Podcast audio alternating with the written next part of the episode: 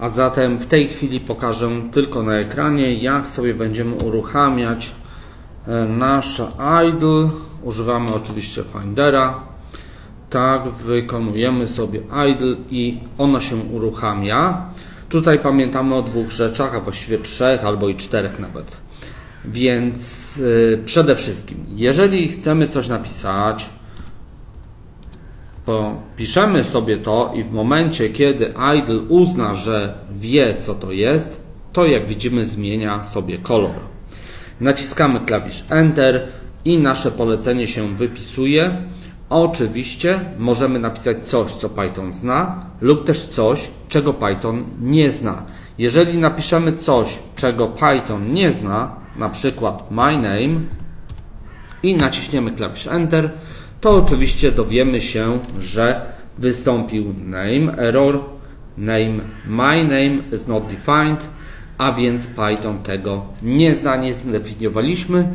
Możemy sobie zdefiniować w ten sposób, że używamy jednego znaku równa się, a więc przypisz. To, co będzie po prawej stronie znaku równa się, przeleci do tego, co jest po lewej stronie, a więc możemy sobie tu wpisać Adam Jurkiewicz.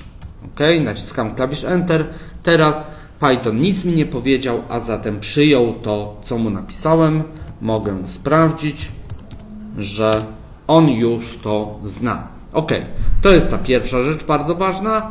Kolejna rzecz, oczywiście, mm, my birth year, tak, 1974, tak się urodziłem.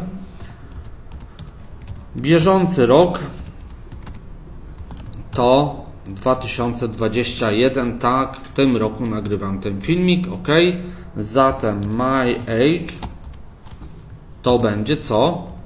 Oczywiście actual year, tak, ok,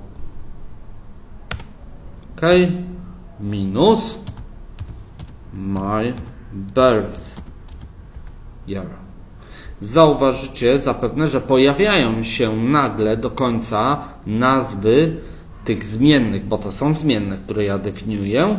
Otóż używam klawisza tabulatora. On dopełnia mi, jeżeli idle zna moje zmienne.